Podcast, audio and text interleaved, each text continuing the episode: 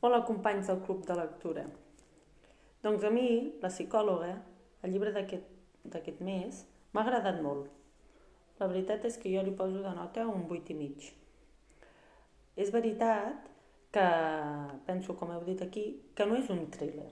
Per mi eh, tot el llibre està més desenvolupat amb, amb l'autora, que és psicòloga, la protagonista, que és psicòloga, i intenta explicar una mica quins són els seus sentiments, què és el que ella pensa, com ella se sent, i al final l'assassinat del seu marit és només eh, el fil conductor de tota la història, per poder explicar una mica tots aquests sentiments i que, que té la Sara, no?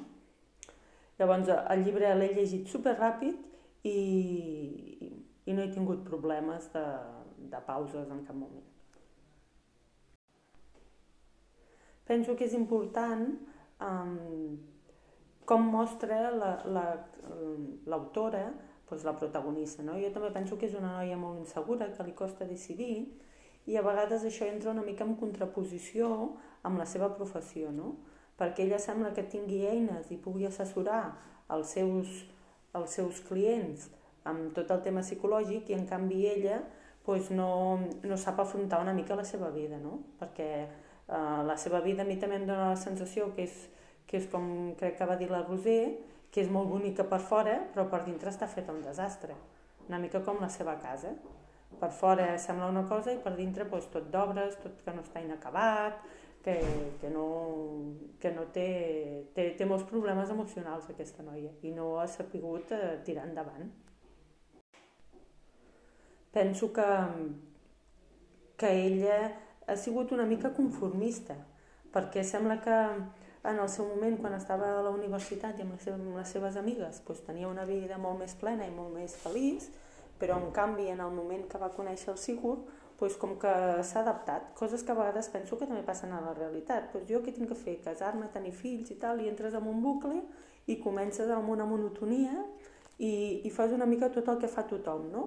I llavors ella té problemes perquè està sola, perquè el seu marit no està a casa, perquè mm, també penso que és una mica, com algú ha dit, que és una mica de caràcter nòrdic, perquè ells sembla que siguin més independents, no? I, i clar, la relació amb la família, a mi també em xoca molt la relació que té amb el seu pare. Penso que nosaltres, els llatins, no estem acostumats a aquest tipus de relació. La relació amb el seu pare potser és una mica per tot el que ella reflexiona en el moment que està allí al seu estudi, però penso que no ha sigut mai bona, ha sigut una relació molt freda, on el seu pare ha estat volcat a la seva carrera i als seus estudiants i ha abandonat una mica la família.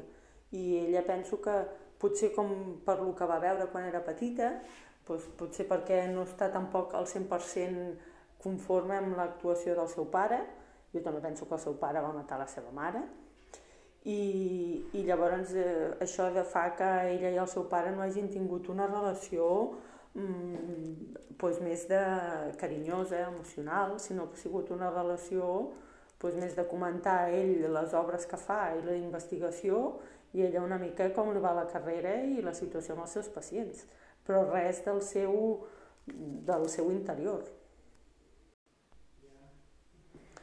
Ah, tal com us he dit, doncs, el llibre m'ha enganxat, al final del llibre doncs, la veritat és que és espectacular.